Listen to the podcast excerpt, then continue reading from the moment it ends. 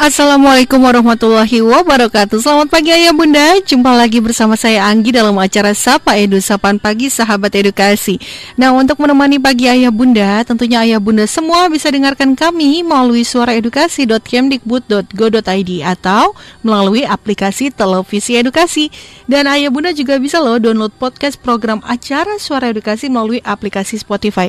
Baik ayah bunda Jangan ke mana-mana Karena setelah yang berikut ini Sapa Edu akan segera kembali Kembali bersama Sapa Edu, pastinya hanya di suara edukasi akrab dan mencerdaskan. Bagaimana kabar ayah bunda pagi ini? Mudah-mudahan ayah bunda dan keluarga selalu dalam keadaan sehat walafiat ya. Amin.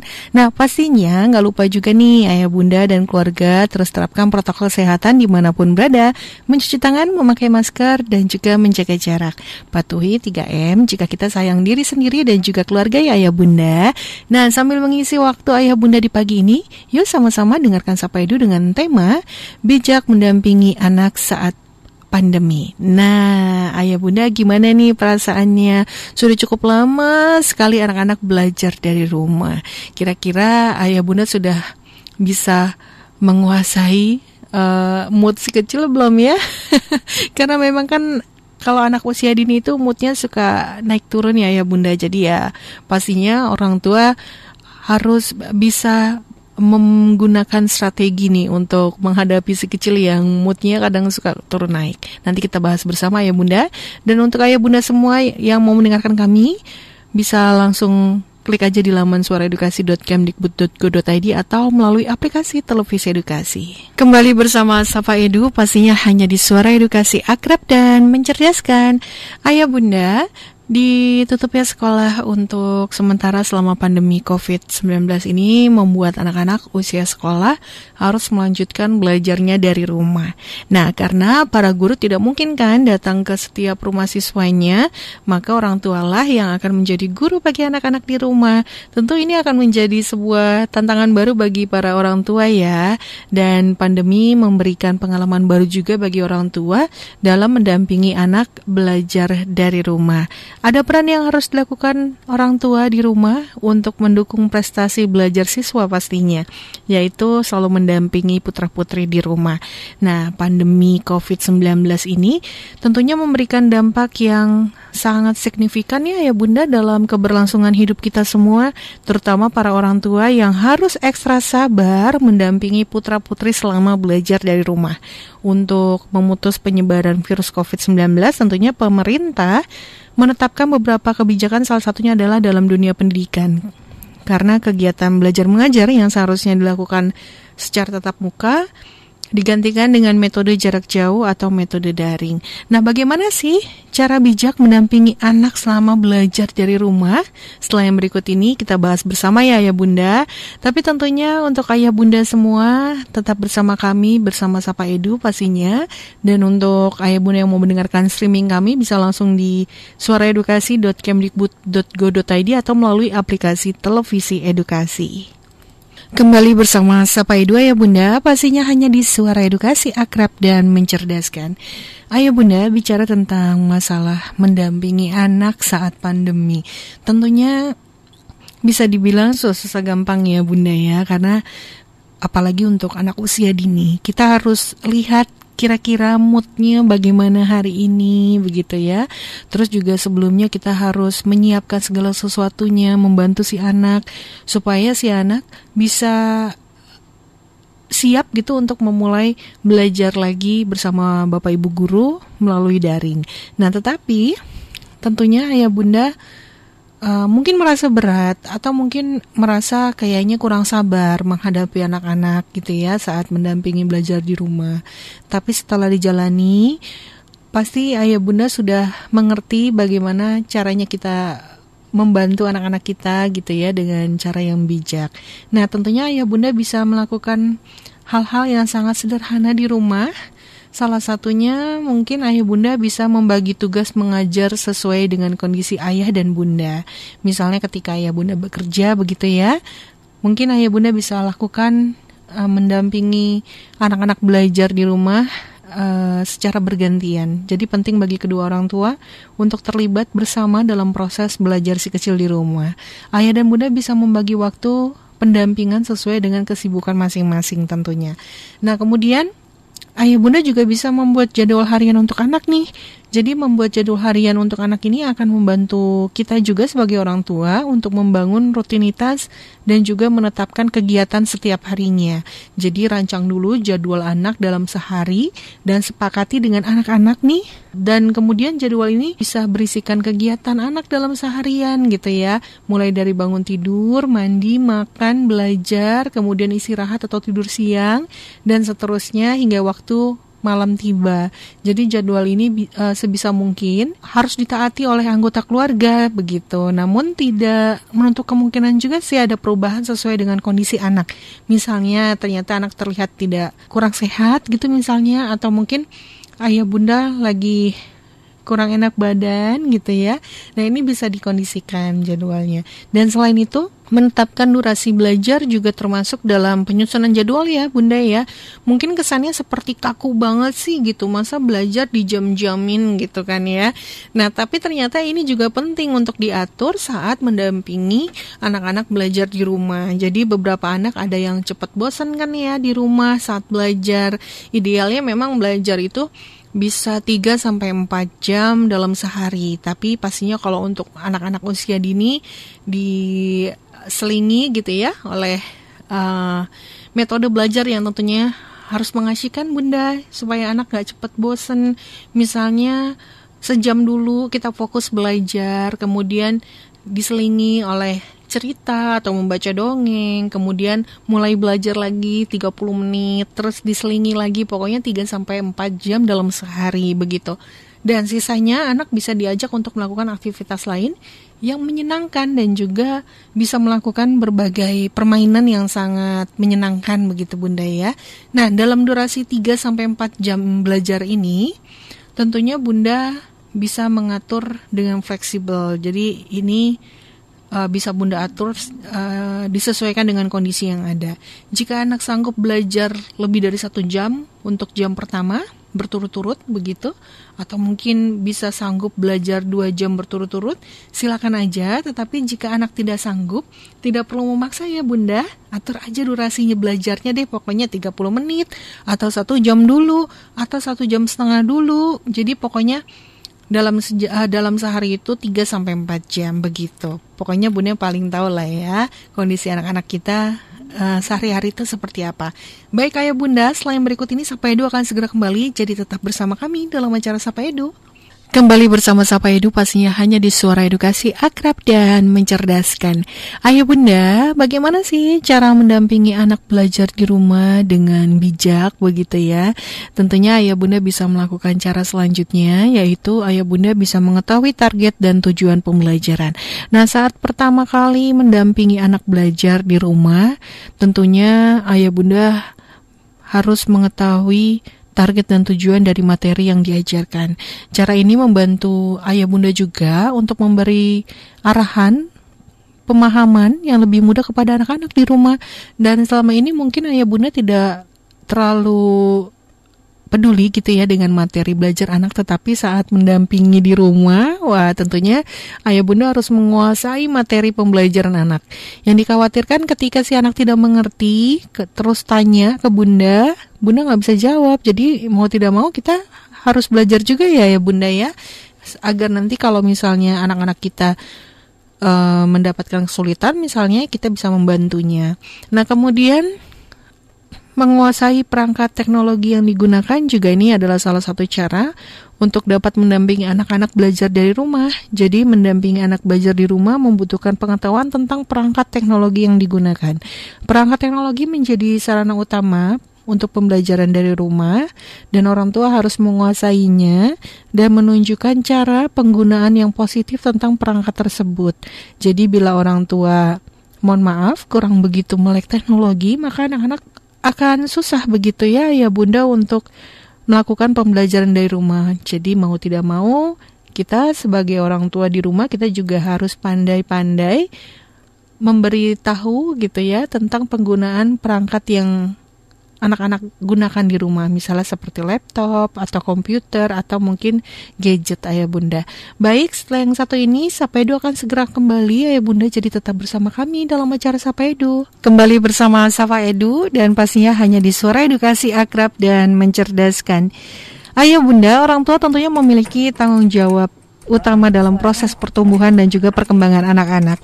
Baik atau buruknya suatu didikan yang diberikan oleh orang tua akan berpengaruh terhadap perkembangan dan juga pertumbuhan anak ke depannya. Nah, untuk itu saat ini kami sudah bersama Ibu Rini Setianingsi. Beliau adalah psikolog sekaligus Kepala Sekolah SD Alvisena Cinere.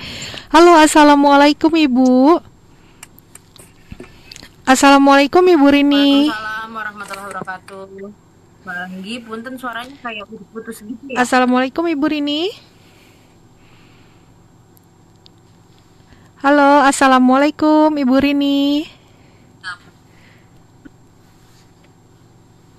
Assalamualaikum Ibu Rini. Baik, uh, Ayah Bunda, tentunya kita juga sebagai orang tua di masa pandemi ini uh, peran kita itu sangat berkali-kali lipat gitu ya. Dan juga sebagai guru untuk anak-anak kita di rumah untuk itu orang tua harus bijak nih ayah bunda dalam mendampingi anak-anak saat belajar dari rumah. Nah kami masih mencoba untuk menghubungi Ibu Rini Setianingsi. Halo Ibu Assalamualaikum. Waalaikumsalam. Alhamdulillah. Waalaikumsalam Senang sekali Ibu. Gimana kabarnya pagi ini? Alhamdulillah sehat. Alhamdulillah sehat ya Bu. Senang sekali Ayah Bunda ya pagi ini Sapa Edu bisa berbincang kembali dengan Ibu Rini nih.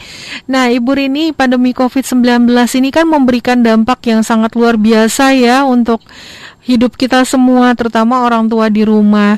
Dan tentunya orang tua juga harus siap mendampingi putra-putri belajar dari rumah. Nah, bagaimana sih Ibu agar orang tua dapat bijak nih untuk mendampingi putra-putri selama belajar dari rumah, Bu? Iya, mungkin yang perlu diperhatikan pertama kali adalah bentuk pembelajaran di sekolahnya itu seperti apa. Hmm. Jadi komunikasi dengan sekolah itu penting sekali Iya. karena setiap sekolah itu punya uh, bentuk pembelajaran be- berbeda-beda. Berbeda-beda, betul. Mhm. uh, Iya, pandemi. Ada yang uh, penjelasan atau pembelajarannya itu dilakukan uh, melalui WA group. Mhm. Ada yang harus uh, online uh, live via Mhm. Zoom meeting. Mhm. Ada yang pakai Google Classroom gitu ya. Uh, tugas-tugasnya semua di apa namanya ditampilkan di Google Classroom. Ada yang Mhm. punya aplikasi khusus gitu di sekolahnya seperti Gredu dan sebagainya. Iya. Uh, nah, itu yang perlu dikomunikasikan antara uh, pihak sekolah dengan uh, orang tua. Mhm. Kenapa itu sangat perlu? Karena itu kan menentukan bagaimana uh, cara uh, orang tua untuk mendampingi anaknya. Mhm. Mungkin kalau yang harus full live uh, pakai Zoom atau Google Meeting gitu ya, itu kan harus on cam gitu ya. Iya, betul. Lebih baik memakai laptop. gitu. Mhm. Berarti kan orang tua bisa mungkin uh, menyediakannya. Namun Mhm. jikalau uh, apa pembelajarannya hanya melalui WA group misalnya, Mhm. nah itu tidak tidak perlu harus uh, memiliki uh, device sampai laptop mungkin handphone uh, mhm, smartphone saya juga cukup dan cukup gitu dan jika Iya. ternyata ada yang memberatkan dalam hal ekonomi gitu ya misalnya kalau harus selalu Google uh, apa Google Meeting atau uh, kita orang tua keberapa, keberatan itu Mhm. juga bisa dikomunikasikan dengan orang tua sehingga uh, ketemu nih cara yang paling enak untuk sekolah dan orang tua dalam Hmm. pembelajaran selama pandemi ini. Jadi memang Iya. yang paling penting agar bijak ya uh, mengetahui bagaimana gambar pembelajaran dari sekolahnya masing-masing, lalu mengkomunikasikannya baga- uh, Pihak sekolah. mengkomunikasikan dengan orang tua. ya, pihak sekolah. Mhm. Baik, jadi Nah, memang eh, ayah bunda kita juga harus paham ya kira-kira ini sekolah yang sedang kita dampingi ya untuk anak-anak kita ini belajarnya dengan metode apa. Tapi mau itu dengan eh, misalnya Zoom meeting atau dengan Google Classroom atau mungkin WhatsApp, orang tua harus bisa semua ya Bu ya. Karena memang kan uh, otomatis ya orang tua juga harus uh, bisa mendampingi dengan metode belajar anak dan dengan metode apa pun itu. Nah, baik Bu, agar proses belajar tetap efektif nih meskipun dilakukan di rumah, apa yang sebaiknya orang tua lakukan, Bu? Uh, yang pertama uh, setelah tadi ya kita tahu mm -hmm. proses pembelajaran. Seperti apa, uh, orang tua memang di masa pandemi ini perlu sekali untuk lebih inisiatif uh, dan proaktif gitu ya terhadap pembelajaran Betul. anaknya. Iya. Yeah. Misalnya uh, hari ini belajarnya IPA tentang uh, ciri-ciri makhluk hidup gitu. Nah, di pembelajaran tersebut uh, kalau SD ya, kalau SD kan masih mudah ya, maksudnya yeah. masih uh, orang tua kan perlu mendampingi jadi mungkin orang tuanya bisa googling googling dulu atau baca baca dulu dulu punya ananda gitu agar yeah. ketika mendampingi juga mm-hmm. punya pengetahuan karena mau tidak mau selama pandemi ini uh, yang ber apa ya bertatapan langsung mm-hmm. yang berinteraksi langsung dan mungkin memberikan pembelajaran langsung mm-hmm. tatap muka itu adalah orang tua yeah. gitu jadi orang perlu orang tua perlu untuk mencari tahu informasi terkait materi materi mm -hmm. pembelajaran dari anaknya. Gitu. Betul sekali. Biasanya kan kalau lihat di buku udah ada yeah. ya daftar isinya, yeah. nah, gitu. Jadi coba dibaca-baca aja sedikit-sedikit mm -hmm. gitu materi-materinya atau cari mm -hmm. uh, bantuan nonton YouTube, cari video-video uh, yang apa namanya berhubungan dengan yeah. materinya karena mau nggak mau pasti nanti anaknya nanya, betul, kenapa itu misalnya cicak kenapa ekornya bisa putus? Gitu. Ekornya putus nggak nggak mati cicaknya kalau ada pertanyaan-pertanyaan gitu meskipun kita belum tahu kita bisa oh kita cari tahu ya di YouTube sama-sama jadi cari bareng-bareng. Jadi memang satu skill yang penting sekali uh, dimiliki oleh orang tua selama mm -hmm. pandemi ini adalah apa continue learning ya terus belajar mm -hmm. gitu terus belajar beradaptasi dengan cepat kalau bisa jauh lebih cepat dibanding anaknya ya. Yeah. karena memang uh, orang tua istilahnya be, ini ya bempernya uh, anak gitu. Jadi ketika anak mungkin keterbatasan bertanya sama guru mungkin hanya bisa bertanya ketika sesi online uh, direct online mm -hmm. uh, pembelajarannya. Uh, hanya via via WhatsApp gitu. Tapi kan tidak cukup uh, jelas dibanding mm -hmm. pembelajaran langsung atau tatap muka. Nah, yang bisa yeah. melakukan pembelajaran langsung atau tatap muka ya orang tua. Sehingga mm -hmm. memang orang tua perlu gercep nih untuk mm -hmm. uh, cari-cari tahu informasi, juga belajar yeah. lagi gitu ya, agar bisa lebih baik gitu dalam mendampingi anaknya. Betul sekali. Jadi paling tidak orang tua sebelum anak mulai start belajar harus tahu dulu materinya apa ya Bu ya. Biar nanti uh, uh, si anak mungkin ada kesulitan, mau bertanya ada keterbatasan, mungkin bertanya sama ayah bunda. Terutama untuk anak-anak usia dini nih ayah bunda. Kita selain harus menguasai materi pembelajaran anak, kita juga harus tahu nih mood anak saat ini sedang seperti apa gitu ya Bu ya. Karena kan memang kalau anak usia ya, dini benar. itu moodnya suka turun naik ya Bu ya. Nah orang tua lah yang bisa bagaimana caranya mendekatkan diri atau merubah suasana si anak untuk menjadi ceria lagi, senang lagi. Kira-kira si anak kenapa nih bad moodnya begitu ya Bu ya. Nah menurut Ibu nih seberapa penting sih orang tua mendampingi anak-anaknya selama belajar di rumah Bu? Wah penting sekali, mm-hmm. sangat-sangat penting. Sangat ya, penting ya. Saya bilang mm-hmm. ya, bahwasanya kalau pembelajaran yang sifatnya daring atau mm-hmm. online kan ada keterbatasan. Iya. Yeah. Memang terbaik itu pembelajaran tatap muka, itu mm-hmm. paling baik. Tapi kan pada uh, keadaan pandemi ini mm-hmm. uh, sulit sekali ya untuk melakukan pembelajaran tatap muka. Betul. Waktu beberapa saat yang lalu, beberapa bulan yang lalu juga uh, dari Menteri uh, Pendidikan juga. Yeah berkeinginan untuk melakukan pembelajaran tatap muka. Namun hmm. pada kenyataannya sekarang kasus COVID kembali naik. Betul gitu sekali. Kan, sehingga sehingga hal tersebut uh, harus dipikirkan kembali ya Bu. Mm -hmm. Betul, beresiko besar. Betul. Nah, mau tidak mau ya memang yang paling bisa melakukan pembelajaran tatap muka mm -hmm. ya orang tua karena mm -hmm. tiap hari bertemu dengan anaknya. Yeah. Sehingga peran orang tua dalam pembelajaran selama pandemi ini tapi uh, mm-hmm. bisa bilang uh, mungkin porsi jauh lebih banyak orang tua gitu mm-hmm. banyak uh, tersebut gitu ya guru Iya. di sekolah tersebut.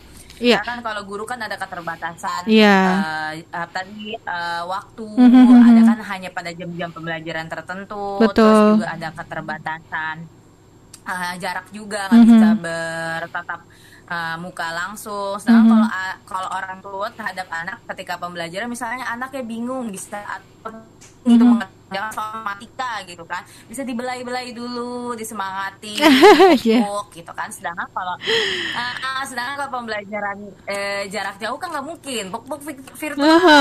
gitu kan tapi nggak berasa, ya. Namun gitu, bagaimana nih Bu untuk orang tua yang bekerja Bu? Nah, eh, ini sebenarnya eh, pinter-pinter mensiasati ya. Mhm. Mensiasati dalam arti kita perlu tahu eh, sumber daya apa saja yang kita miliki Mhm. dan juga eh, perlu lihat bahwa eh, apa namanya memenuhi ekspektasi kita atau enggak Iya. gitu. Jadi misalnya kalau bekerja apakah di tempat kerjanya selalu kan sekarang selama pandemi eh, ada kuota work from home ya. Mhm. Nah, eh, apakah bisa eh, bekerjanya itu work from home saja gitu Mhm. atau ada jadwal kan biasa ada piket-piketan ya work from Iya. home, work from office gitu. Mhm. Nah, ketika work from home eh, apa namanya eh, bisa nih sambil mendampingi anak gitu. Mhm. Memang kudu kerja keras ya apalagi Iya, ibu ya betul. eh, di di rumah eh, sambil eh, bekerja terus sambil Urusan rumah juga.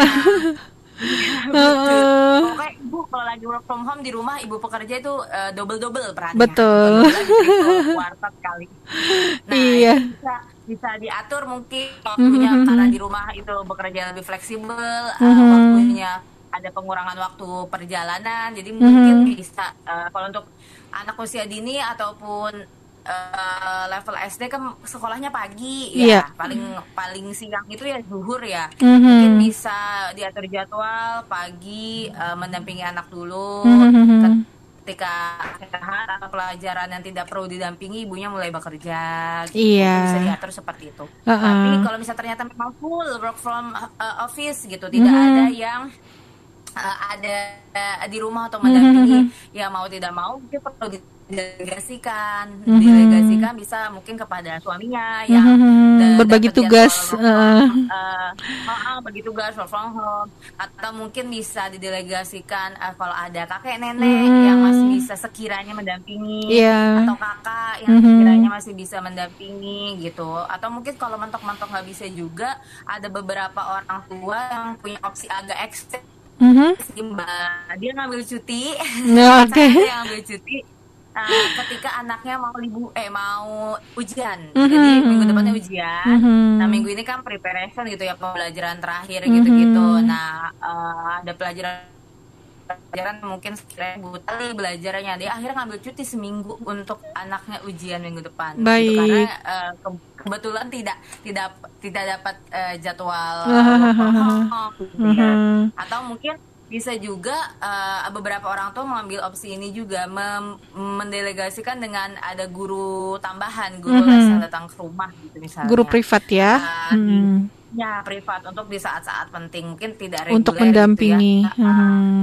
Baik Iya, ayah bunda, betul, artinya teman tentunya banyak cara yang bisa ayah bunda lakukan ketika ayah bunda bekerja. Misalnya seperti berbagi tugas kepada ayah atau mungkin minta tolong bantuan nenek sama kakek ya untuk sekedar mendampingi belajarnya mungkin eh, malam harinya bersama bunda. Jadi pada saat melaksanakan pembelajaran daring bersama bapak ibu, mungkin nenek kakek hanya mendampingi saja gitu mem- eh, apa berada di sebelah si kecil begitu ya. Baik, nah Ibu sebaiknya apa nih Bu yang harus orang tua lakukan agar anak-anak dapat lebih konsentrasi belajar selama bela- eh, belajar dari rumah? Terkait mood juga ini sepertinya ya Bu ya. Bagaimana Bu? Iya, jadi sebenarnya eh, konsentrasi itu kalau pada anak kita perlu lihat rentang konsentrasinya. Mhm. Rentang konsentrasi itu tergantung sekali pada usia anak. Usia anak betul. Untuk Mhm. an- iya, untuk anak-anak yang eh, mungkin kelas eh, satu sampai tiga Mhm, early mhm. primary school ya, Mhm. eh, kelas eh, kelas rendah gitu ya. Mhm. Kelas rendah mungkin rentang konsentrasinya eh, 10-15 menit Mhm. gitu. 30 menit udah paling maksimal Iya. gitu ya, 30 menit. Eh, Itu kan satu jam pembelajaran ya Iya. 35 menit. Mhm. Nah, itu mungkin bisa eh, Diselingi ya, Bu? namanya? Mhm. Ya diselingi ketika setelah satu Iya. jam pembelajaran bisa diselingi dengan mungkin pembelajaran yang eh, tidak terlalu butuh konsentrasi yang Mhm. tinggi Mhm. gitu misalnya pembelajaran yang lebih fun misalnya Mhm. matematika setelah matematika mungkin olahraga s- atau mungkin seni atau Mhm. mungkin yang eh, kegiatannya lebih eh, tenang gitu nah itu bisa juga Mhm. dikomunikasikan dengan pihak sekolah ya karena Iya. kan kepada anak juga eh, ada maksimum screen time-nya ya Mhm. eh, screen time yang bisa Betul. diakses dalam Iya. satu hari Mhm. gitu dan itu tergantung usia juga tapi kalau untuk usia SD itu kurlaps eh, tiga jam itu maksimal banget ya Mhm. dua tiga jam itu nah itu bisa dikomunikasikan misalnya pembelajaran di sekolahnya full zoom dari Mhm. pagi sampai siang gitu Mhm. nah matanya lelah, screen time-nya berlebihan, dan Iya. pastinya jadi tidak konsentrasi. Mhm. Nah itu mungkin eh, apa strategi-strategi menyelingi tadi Mhm. seperti tadi setiap satu jam pelajaran Mhm. diganti pelajaran yang lebih eh, fun, Fun. yang Mhm. butuh konsentrasi, Atau, Betul. eh, atau mungkin diselingi dengan istirahat Iya. setiap satu sesi Zoom atau sesi eh, Google Meet gitu Mhm. ada istirahat Mhm. kecil gitu anak 10 menit boleh boleh snack boleh Iya. main-main boleh ke toilet dan sebagainya Mhm. baru nanti 10 menit lagi gabung Zoom lagi biar matanya juga istirahat Iya, jadi kembali lagi Atau kita harus juga- komunikasikan kepada sekolah ya Bu ya. gitu ya. Mhm. karena memang yang paling tahu praktek di rumah Mhm. kan pembelajaran eh, jarak jauh itu prakteknya di rumah ya ya adalah Mhm. orang tua Iya. Jadi orang tua memberikan feedback ya kepada Mhm. sekolah, oh kalau kayak gini kayak stra- strategi belajarnya kurang tepat nih, nggak Mhm, bisa nih, Anak cepat sesuai bosen nih." begitu ya misalnya. Mhm. Betul. Iya baik. Nah juga bisa Mhm. eh, apa namanya strateginya dilakukan eh, feedback eh, pada sekolah adalah dari eh, metode pengajarnya. Mhm. karena kan uh, offline dengan online itu pembelajarannya berbeda ya. Kalau Iya, betul. misalnya online ini kan lebih banyak mengaktifkan eh, apa namanya gaya belajarnya yang audio visual. Karena kan pasti yang di share itu PPT atau video dari YouTube kurang mengaktifkan eh, Mhm. metode pengajaran yang kinestetik. Iya. Mungkin ada pembelajaran-pembelajaran tertentu dibuat lebih menarik Mhm. seperti games sehingga eh, apa namanya eh, bisa mengaktifkan si gaya belajar kinestetik itu jadi Mhm, anak mhm, nggak mhm. bosen misalnya Iya. matematika hitung eh, berhitung perkalian gitu coba anak lihat di apa namanya di lantai ada ubin tidak Mhm. gitu kan kan bisa buat latihan perkalian coba dua kali dua dilihat eh, dua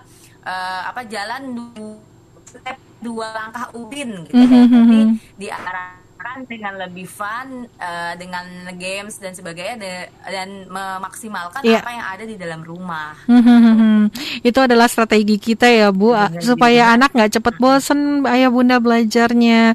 Apalagi kalau misalnya belajarnya tuh terus menerus seperti monoton gitu ya Bu. Misalnya melalui Zoom meeting gitu ya selama 30 menit. Itu biasanya si anak cepat bosan jadi untuk mengatasinya mungkin ayah bunda bisa menggunakan cara-cara yang kreatif untuk belajar anak dari rumah nah Ibu menurut Ibu nih apa aja sih Bu dampak positif dan juga negatif selama pembelajaran jarak jauh Bu Iya.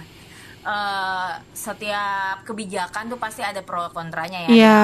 Dan Kalau kita mau mencoba untuk melihat eh, sisi positifnya ternyata Mhm. banyak sekali dibanding negatifnya. Iya. Ya beberapa ada sisi, sisi negatifnya seperti anak eh, screen time-nya berlebihan mau tidak mau tuh Mhm. pasti screen time-nya berlebihan pun ternyata dari sekolah sudah mematok tiga jam pembelajaran online gitu misalnya Mhm. tapi nanti, nanti anak harus kerjain tugas harus Iya. apa dan sebagainya juga Mhm. pasti tetap menambah screen time screen time juga gitu Mhm, kan mhm. Eh, terus mungkin anak juga selama pandemi ini eh, jarang bukan ya bukan jarang ya tidak bertemu fisik dengan teman-temannya Mhm, dengan mhm. gurunya sehingga mungkin aspek eh, sosial emosionalnya kurang terasah Iya. gitu ya jadi kita nggak tahu ya maksudnya dua tahun ini misalnya dua tahun itu kan sekarang udah satu setengah tahun dan Mhm. Mhm. semester depan juga masih PJJ gitu ya karena COVID-nya naik. Nah, apakah selama dua tahun ini ketika anak-anak akhirnya ketemu dengan teman-temannya misalnya di semester depan sudah PTM, apakah ada perbedaan yang signifikan gitu ya? Maksudnya dalam perilaku sosial emosional anak eh, di angkatan Mhm, pandemi mhm. ini gitu. Nah, mungkin itu Mhm. akan berpengaruh di sosial emosionalnya. Iya. Namun eh, pandemi ini juga patut sekali eh, banyak hal yang kita syukuri gitu karena ternyata Indonesia bisa loh melakukan pembelajaran eh, via di mana di dari dulu pasti diragukan karena selalu eh, apa ya pertentangannya oh gimana di daerah eh, terdepan tertinggal Iya.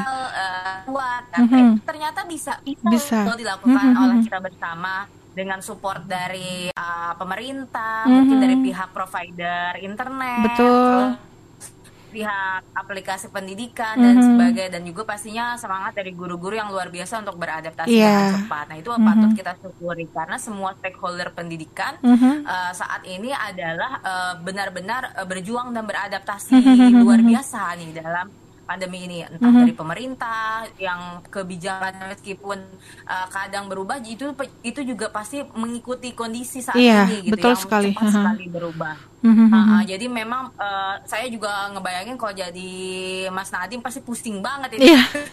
mau bikin kebijakan ini eh Iya, betul. eh gini lagi ya kapan ini Iya. jadi harus bergerak cepat, Cepat, ya betul. cepat pemerintah Mhm. guru sekolah orang tua Orang dan tua. anaknya sendiri Mhm, anak itu mhm. bisa beradaptasi gimana caranya ya dengan melihat contoh Mhm. contoh terdekatnya siapa orang tua keluarga Mhm. gitu. jadi kalau anak-anak bahkan anak TK itu sudah bisa loh mengoperasikan laptop gitu Mhm. karena pandemi ini mungkin dulu-dulu kayak orang tua ah nggak mau ah kasih laptop dari TK gitu Mhm. kalau bisa mau ngasih laptopnya nanti aja SD kelas Iya. akhir gitu ya karena Heeh. takut buka yang aneh-aneh atau Heeh. gimana tapi ternyata uh, anak TK sekarang sudah bisa operasi mengoperasikan Zoom sendiri Lebih jago malah ya, Bu. iya jago kekhawatiran Heeh. uh, orang tuanya buka yang aneh-aneh bisa tangani dengan talok uh, di internetnya atau juga uh, apa kan ada aplikasi-aplikasi untuk um, mencegah ya uh, Iya. membuka akses Ha-ha. akses yang uh, internet yang kurang baik ya. Heeh. Nah itu Baik. ternyata bisa loh ternyata Indonesia dipaksa dengan dipaksa Iya. uh, pandemi ini bisa Mhm. melakukan pendidikan 4.0 gitu ya. Iya. Ternyata bisa. Nah, Mhm. bisa tidak ada pandemi ini mungkin lama gitu sampai ke sana karena kita ada ketakutan-ketakutan Iya, tadi, kalau gimana kekhawatiran di orang tua. aksesnya, Mhm. betul nggak ada infrastrukturnya tapi kan gara-gara ini uh, orang tua juga perlu mempertimbangkan bahwa memang uh, apa namanya uh, pola pendidikan sekarang itu sifatnya blended learning Mhm. gitu ya maksudnya ada yang online ada yang offline Iya, betul. kayak di kampus-kampus besar itu dari luar negeri itu kalau short course itu Mhm. online semua kalau Hmm. kita nggak mau ke sana gitu mungkin terlalu mahal gitu ya Mhm. kita cari aja program-program short, short course terus kita nanti ujian online terus Iya. kita sertifikasi Oke, gitu. baik. jadi memang mau Mhm. nggak mau benar pendidikan 4.0 ini hal yang harus dihadapi dan eh, apa blessing in the disguise ya pandemi Betul. ini mempercepat gitu ya Iya. akses ke pendidikan 4.0 ini Iya, Gitu baik. itu yang paling disyukuri sekali Ya, baik Ibu Rini. Baik. Kita bisa jeda sejenak Ibu ya. Nanti kita ngobrol-ngobrol lagi. Tentunya Ayah Bunda tetap bersama kami dalam acara Sapa Edu. Setelah yang berikut, kami akan segera kembali. Mira, kamu ajari Dika ya kalau dia ada kesulitan. Ayah sengaja belikan laptop buat hadiah Dika agar fokus belajarnya. Baik ya. Nah, game online ini seru banget. Gak sabar aku mau mainnya. Eh, baru juga dikasih nasihat, malah main game. Nih, lebih baik kamu buka kihajar.kemdikbud.go.id. Ini memang laman apa sih kak? Ini laman untuk ikutan kuis Ki Hajar. Kuis ini bagus untuk kita ikuti. Kakak saja sudah daftar. Ayo, kamu daftar. Kuis Ki Hajar merupakan kompetisi yang ditujukan untuk para siswa sekolah. Ayo, sahabat edukasi, ikuti kuis Ki Hajar. Kita harus belajar. Iya baik, kita masih bersama Sapa Edu ya Bunda. Pastinya hanya di Suara Edukasi Akrab dan Mencerdaskan. Kita juga masih bersama Ibu Rini Setianingsih. Beliau adalah psikolog sekaligus Kepala Sekolah SD Avicenna Cinere. Ibu masih semangat ya Bu Untuk ngobrol-ngobrol bersama Sapa Edu Ya. Alhamdulillah. Baik Ibu, kita bicara tentang uh, rencana pemerintah yang tadinya akan membuka kembali sekolah untuk tatap muka, tapi ternyata kasus COVID saat ini meningkat kembali. Nah, uh, kita singkirkan dulu masalah kasus COVID-nya. Kalau menurut Ibu nih atau bagaimana pendapat Ibu terkait dengan rencana pemerintah yang sebelumnya akan membuka kembali sekolah pembelajaran tatap muka. Nah, mungkin Ibu sendiri punya uh, anak usia sekolah dasar atau TK gitu ya. Kira-kira Ibu sudah siap belum sih anak kembali ke sekolah nih, Bu? Iya. Uh, sebenarnya dilihat lagi ya setiap mm -hmm. orang tua tuh punya background ya punya background yeah. uh, latar belakang berbeda-beda mm -hmm. ada orang tua yang uh, mungkin di sekolah-sekolah tertentu uh, yang kesulitan sekali melakukan pendampingan mm -hmm. uh, terhadap pembelajaran uh, kepada anaknya ya mungkin dia uh, secara ilmu juga kurang yeah. mendampingi gitu terus karena uh, secara ilmu juga kurang jadi mungkin mendampingi jatuhnya marah-marah aja aja gitu mm-hmm. anaknya juga jadi stres ibunya stres yeah. mungkin ada beberapa orang tua yang uh, sekali untuk bisa mendampingi anaknya sehingga anaknya tidak terdampingi dan malah uh, berdampak buruk mungkin uh, mengakses seperti mengakses mm-hmm. uh, situs-situs internet yang tidak baik atau kecanduan game online mm-hmm. atau dan sebagainya tapi ada uh, orang tua yang punya backgroundnya alhamdulillah berkecukupan mm-hmm. punya uh, mungkin support system untuk mendampingi anaknya yeah. punya latar pendidikan yang lebih baik mm-hmm. jadi sehingga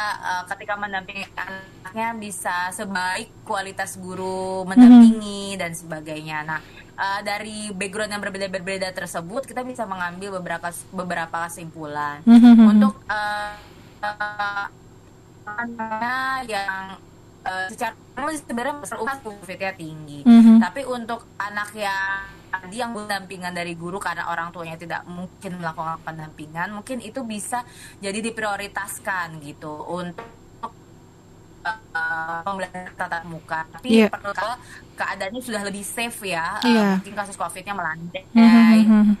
Terus juga protokol kesehatan di sekolahnya baik gitu mm-hmm. kan, uh, uh, checklist checklist untuk uh, namanya tatap muka itu banyak sekali ya mm-hmm, kesiapan sekolah, kesiapan guru, kesiapan anak, iya. kesiapan yeah. orang tua. Mm-hmm. Nah, uh, selama semua prokes itu sudah ditaati, checklist-checklistnya sudah dipenuhi, mm-hmm. mungkin yang perlu diprioritaskan yeah. itu tadi anak-anak yang memang butuh sekali pembelajaran tatap muka. Mm-hmm. Uh, tadi seperti anak-anak yang mungkin uh, kekurangan uh, akses untuk pembelajaran mm-hmm. gitu. Terus juga mungkin anak-anak berkebutuhan khusus yang yeah. harus ketemu langsung sama terapisnya gitu ya mm -hmm. kan kalau di sekolah itu sekolah inklusi sekolah uh, berkebutuhan khusus khusus ya uh, apa anak berkebutuhan khususnya ya ada mm -hmm. terapisnya juga nah mungkin sama pembelajaran online ini kurang efektif mm -hmm. gitu ya pembelajarannya uh, untuk anak-anak tersebut jadi mungkin pembelajaran tatap muka adalah menjadi karena uh, mereka butuh uh, pembelajaran yang langsung ataupun untuk anak-anak yang uh, apa namanya butuh pembelajaran yang sifatnya praktek yeah. seperti SMK gitu kan mm-hmm. kan nggak mungkin ya misalnya SMK otomotif gitu ya bengkelnya mau dipindahin ke rumah masing-masing yeah. gitu kan atau uh-huh. SMK perhotelan gitu mm-hmm. hotelnya ada di rumah masing-masing uh-huh. kan nggak mungkin gitu kalau misal mm-hmm. SMK-nya tata boga ya kan setiap rumah punya dapur itu mm-hmm. mungkin sudah mm-hmm. yeah. atau SMK-nya uh, tata rias gitu ya tata rias itu mungkin karena alat makeup itu gampang dibawa-bawa tapi yang tadi yang uh, praktek-praktek ya teknik uh, elektro yeah. teknik mesin ya SMK teknik kan gitu kan uh, itu kan agak sulit jadi memang dilihat lagi ini tidak serta merta uh, general perlu diterapkan uh, untuk semua kalangan. Iya. Yeah bisa dilihat kalangan-kalangan yang paling membutuhkan itu mm -hmm. mungkin di uh, apa ya diprioritaskan yeah. didahulukan untuk diaplikasikan uh, kebijakan ini tapi untuk yang mm -hmm. reguler secara reguler dalam arti orang tuanya bisa mendampingi, Iya. tidak ada kendala ekonomis secara akses Mhm, mhm, internet, mhm, mhm. akses uh, gadget dan Betul. sebagainya dan Mhm. anaknya punya kesehatan mental yang baik selama pandemi ini Mhm. karena memang disupport oleh keluarganya Iya. itu mungkin lebih baik pembelajaran online saja. Tapi Iya. yang tadi yang butuh sekali gitu Mhm, akses mhm, tatap mhm, muka ya seperti anak ABK yang butuh terapis, Mhm. terus uh, anak yang uh, apa namanya punya kendala ekonomi, Mhm. uh, punya wifi di rumahnya, nggak punya laptop di rumahnya, Iya.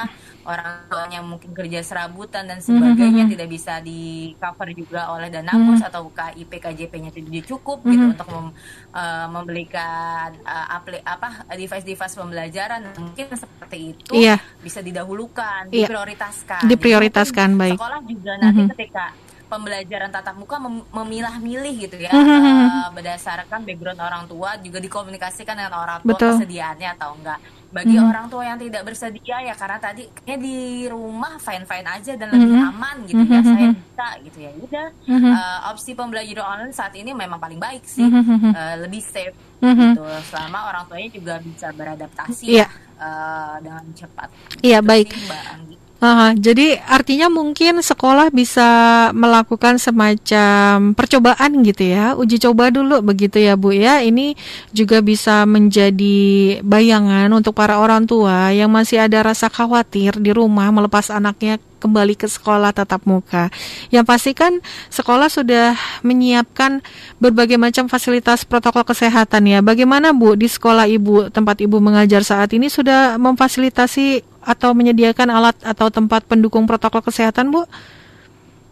Iya, alhamdulillah saat ini eh, kita sudah memenuhi kebutuhan-kebutuhan checklist eh, protokol kesehatan tersebut Mhm. seperti eh, akses mencuci tangan, Mhm. eh, apa namanya mm, penye- penyekatan eh, antara satu bangku dengan yang bangku lain dengan mika, Mhm. mika akrilik, terus Mhm. juga posisi apa namanya bangku di dalam kelas sudah diatur Iya. eh, maksimum setengah dari Mhm. jumlah siswa. Iya. Tapi memang saat ini kan eh, kesiapan sekolah itu menunggu eh, apa ya supervisi dari pihak dinas pendidikan Mhm. gitu kan. Supervisi dari pihak dinas pendidikan itu Mhm. baru bisa dilakukan mungkin ketika eh, COVID-nya melandai Betul. gitu ya. Setelah dapat supervisi dari pihak eh, dinas pendidikan Mhm. dilihat oh Mhm.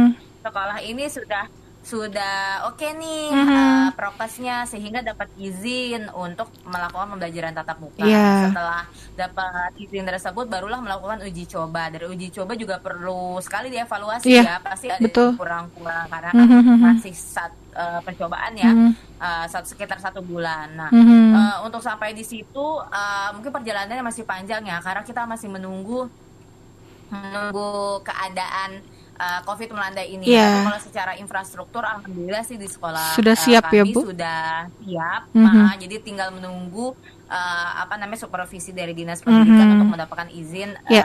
uh, uji coba Iya. dan uh, nanti pembelajaran tatap muka. Iya. Tapi balik lagi, Mhm. uh, itu akan hanya bisa dilakukan ketika keadaan sudah lebih aman. Iya, Gitu. baik. Apakah pihak sekolah sudah membicarakan hal ini, Bu, kepada orang tua?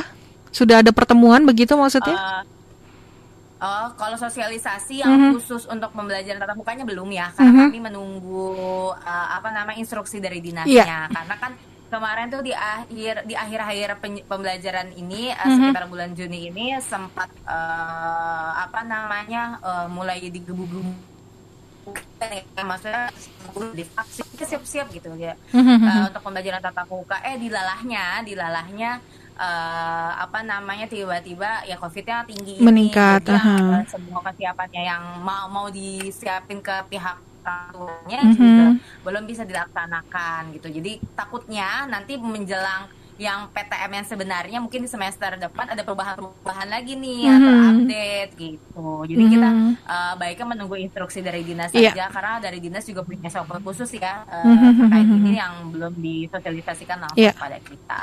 Baik, Ibu.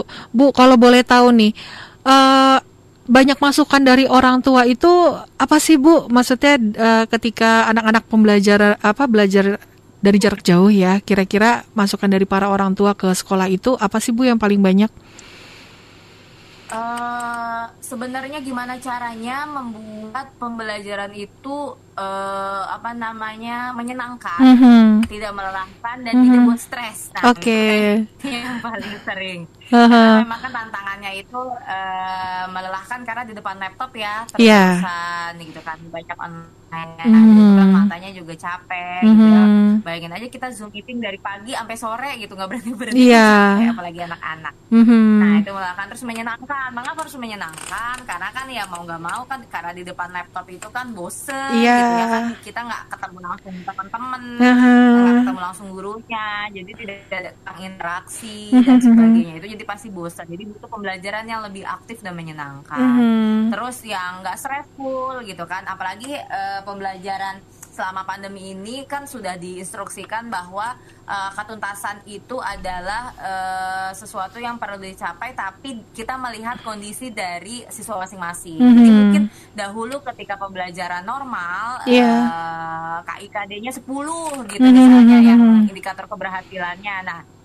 sekarang setelah- setelah uh, pandemi ini selama pandemi ini kita evaluasi uh, Mhm. bahwa kayaknya yang ini nggak mungkin deh tercapai selama pandemi yang ini Mhm. kita- nggak mungkin deh kita tercapai selama pandemi Iya. ada adaptasi adaptasi kurikulum yang lebih sesuai dengan kondisi anak Mhm. Jadi, dan sekarang kan memang kan pembelajaran diarahkan lebih lebih kontekstual ya Iya. eh, dengan memanfaatkan eh, keadaan sehari-hari Mhm. kehidupan sehari-hari anak gitu jadi nggak ya mungkin eh, dari kurikulumnya juga beradaptasi sekolah juga perlu melihat itu tidak Mhm. memaksakan Mhm. eh, tidak memaksakan eh, materi-materi yang dahulu ketika sebelum pandemi itu harus dicapai. Nah, Sekarang Mhm. harus lebih bijaksana eh, sekolah dan guru untuk melihat oh ini kayaknya mungkin deh tercapai selama pandemi sulit Iya. diajarkan. Jadi ya harus beradaptasi di situ juga sehingga Mhm. pembelajarannya juga lebih kontekstual, lebih relate, apalagi Mhm. terkait covid juga juga lebih relate, relate gitu ya, Mhm. lebih berhubungan dia. Iya. Jadi nggak stres. Kalau misalnya keadaannya kayak gini penuh keterbatasan. Betul. Lalu kita memaksakan nih kurikulum yang dulu yang anggapnya tadi 10 indikator keberhasilan Iya. gitu kan KD-nya. Ya kan anak jadi stres ya karena Betul. ya, Belum lagi tugas-tugas ya, Bu. Betul, kan beruang kan pusing ya gimana Iya. coba titik di atas kamar kamu ditarik ke ini gimana? susah ya gitu ya. Iya. Sedangkan eh, sama pandemi juga mungkin sulit gitu. Mhm. Mencari cara juga sulit gitu untuk mengajarkan. Iya. Kan nggak mungkin nih bisa diajarin nah, gitu. Mhm. Perlu berbijaksana bahwa tidak semua eh, materi itu eh, perlu diajarkan. Oleh karena Mhm. itu di awal pembel eh, di awal tahun ajaran kemarin itu kan ada instruksi ya dari Mhm. pihak Kemen Kemendikbud Iya. bahwa sekolah itu perlu memilih menggunakan kurikulum yang mana apakah Iya. kurikulum biasa Aha. kurikulum jelas Mhm. eh, yang seperti pada umumnya Mhm. atau kurikulum eh, pandemi Mhm. yang udah ada format bakunya dari eh, Kemendikbud Mhm, yang ada mhm, modul-modulnya atau yang ketiga sekolah perlu untuk beradaptasi sendiri Iya. dengan keadaan anaknya masing-masing itu Mhm. kurikulum mandiri jatuhnya Iya. ya. Nah, setiap sekolah perlu nih berbijaksana melihat mana sih yang mungkin bisa dilakukan. Kalau yang satu kayaknya sulit ya. Mhm. Jadi pilihannya eh, adaptasinya ikutin format yang dari Kemendikbud atau melakukan adaptasi sendiri. Oke, Gitu. baik. Ah, baik Ibu. Ini kita sudah cukup lama sekali mendampingi anak-anak kita belajar dari rumah Ibu. Kira-kira apa nih yang harus orang tua persiapkan untuk rencana seandainya nanti uh, COVID sudah hilang ya mudah-mudahan amin ya Allah. Apa yang harus orang tua Amin. persiapkan Ibu dari sejak dini? Kalau mungkin dulu ketika eh, ketika pembelajaran baru yang disiapkan tuh tas, buku-buku, ya sepatu. Sepertinya sekarang sudah berbeda. sekarang yang orang tua persiapkan sepertinya edukasi-edukasi terkait dengan protokol kesehatan begitu ya Bu? Betul. Aha. Iya, karena memang kan eh, apa ya eh, prediksi ya. Iya.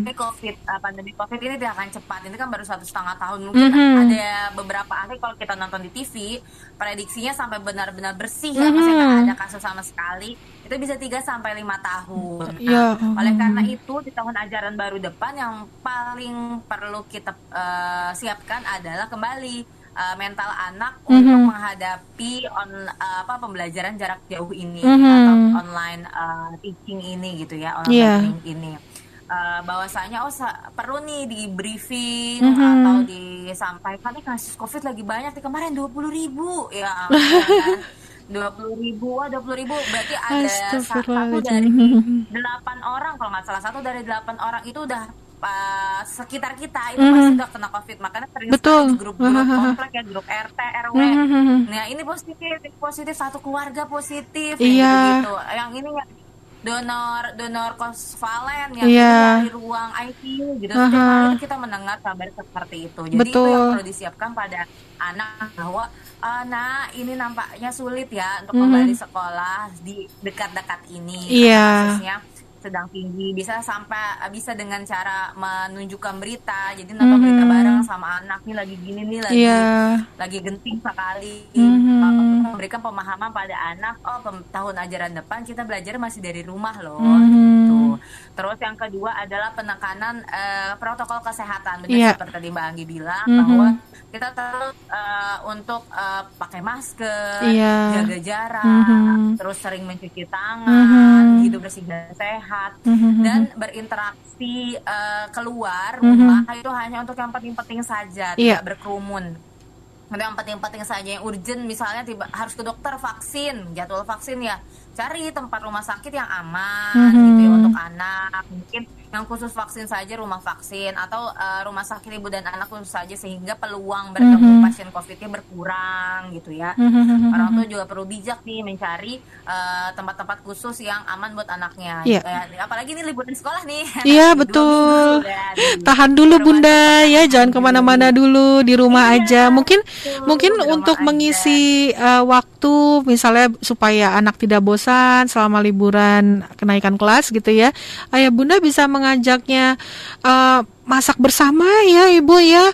Jadi biar nggak bosan juga banyak sekali kegiatan di rumah yang bisa Ayah Bunda lakukan di rumah bersama si kecil. Biar mungkin bosan Yang uh, Bunda. sederhana Oh, aja. oh. Kayak misalnya mamahnya ajak eh, bikin kue bareng. Nah, Eh, iya seperti itu. rumah-rumahan bareng sama ayahnya. Iya.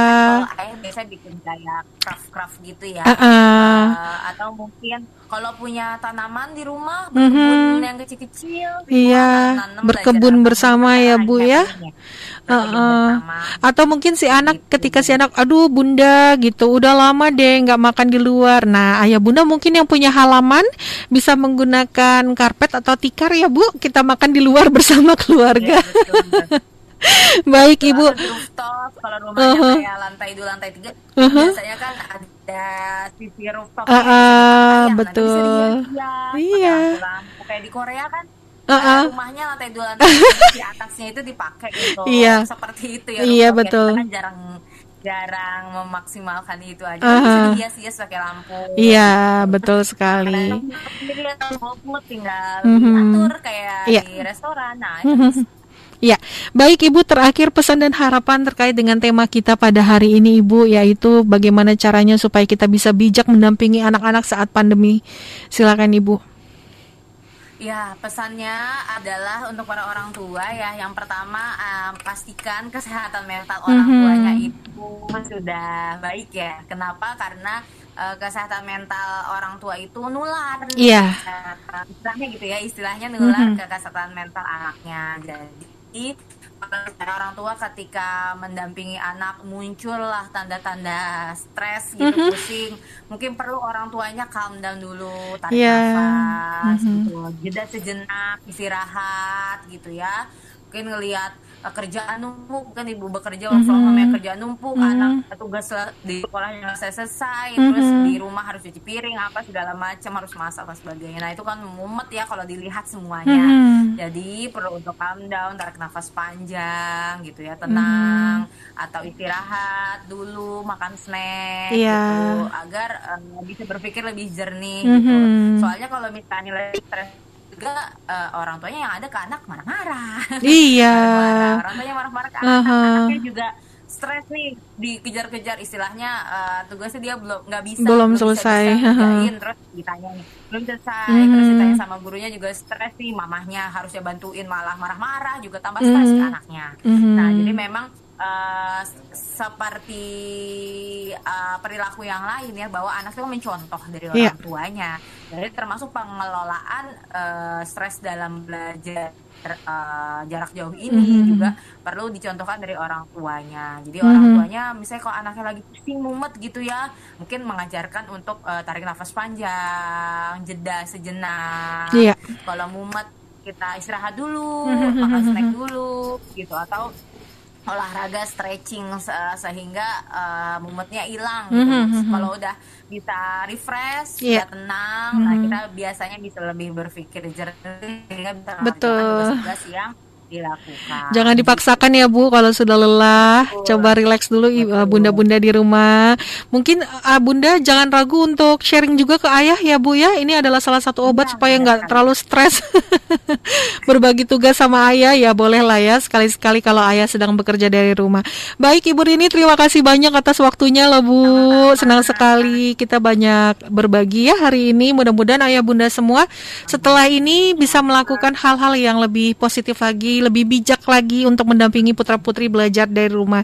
Terima kasih Ibu Rini. Kapan-kapan kita ngobrol-ngobrol lagi ya Bu ya. Salam sehat untuk Ibu dan keluarga. Iya, sal- sorry keputus. iya, salam sehat untuk Ibu Rini dan keluarga ya. Terima kasih banyak. Ya terima kasih. Mbak. Iya. Baik ayah bunda, ayah bunda juga harus selalu sehat ya dan tentunya kita harus selalu menjaga kesehatan kita di mana pun kita berada. Protokol kesehatan adalah nomor satu sekarang bunda ya. Dan ayah bunda jangan ke mana-mana setelah yang berikut ini sampai doakan segera kembali. Ayah bunda, kunci tercapainya tujuan pendidikan saat belajar dari rumah tentunya adalah lingkungan keluarga dan kelancaran komunikasi juga sangat penting ya ayah bunda dan dasar dari komunikasi antara orang tua dengan anak adalah komitmen dan terus pahami dan membaca mood anak saat belajar dari rumah ya bunda karena ini sangat berpengaruh sekali. Baik ayah bunda sampai di sini dulu perjumpaan kita dalam acara Sapa Edu dan semoga apa yang sama-sama kita bahas hari ini dapat bermanfaat untuk kita semua dan akhir kata saya ucapkan terima kasih atas perhatiannya. Mohon maaf jika ada salah-salah kata. Wassalamualaikum warahmatullahi wabarakatuh.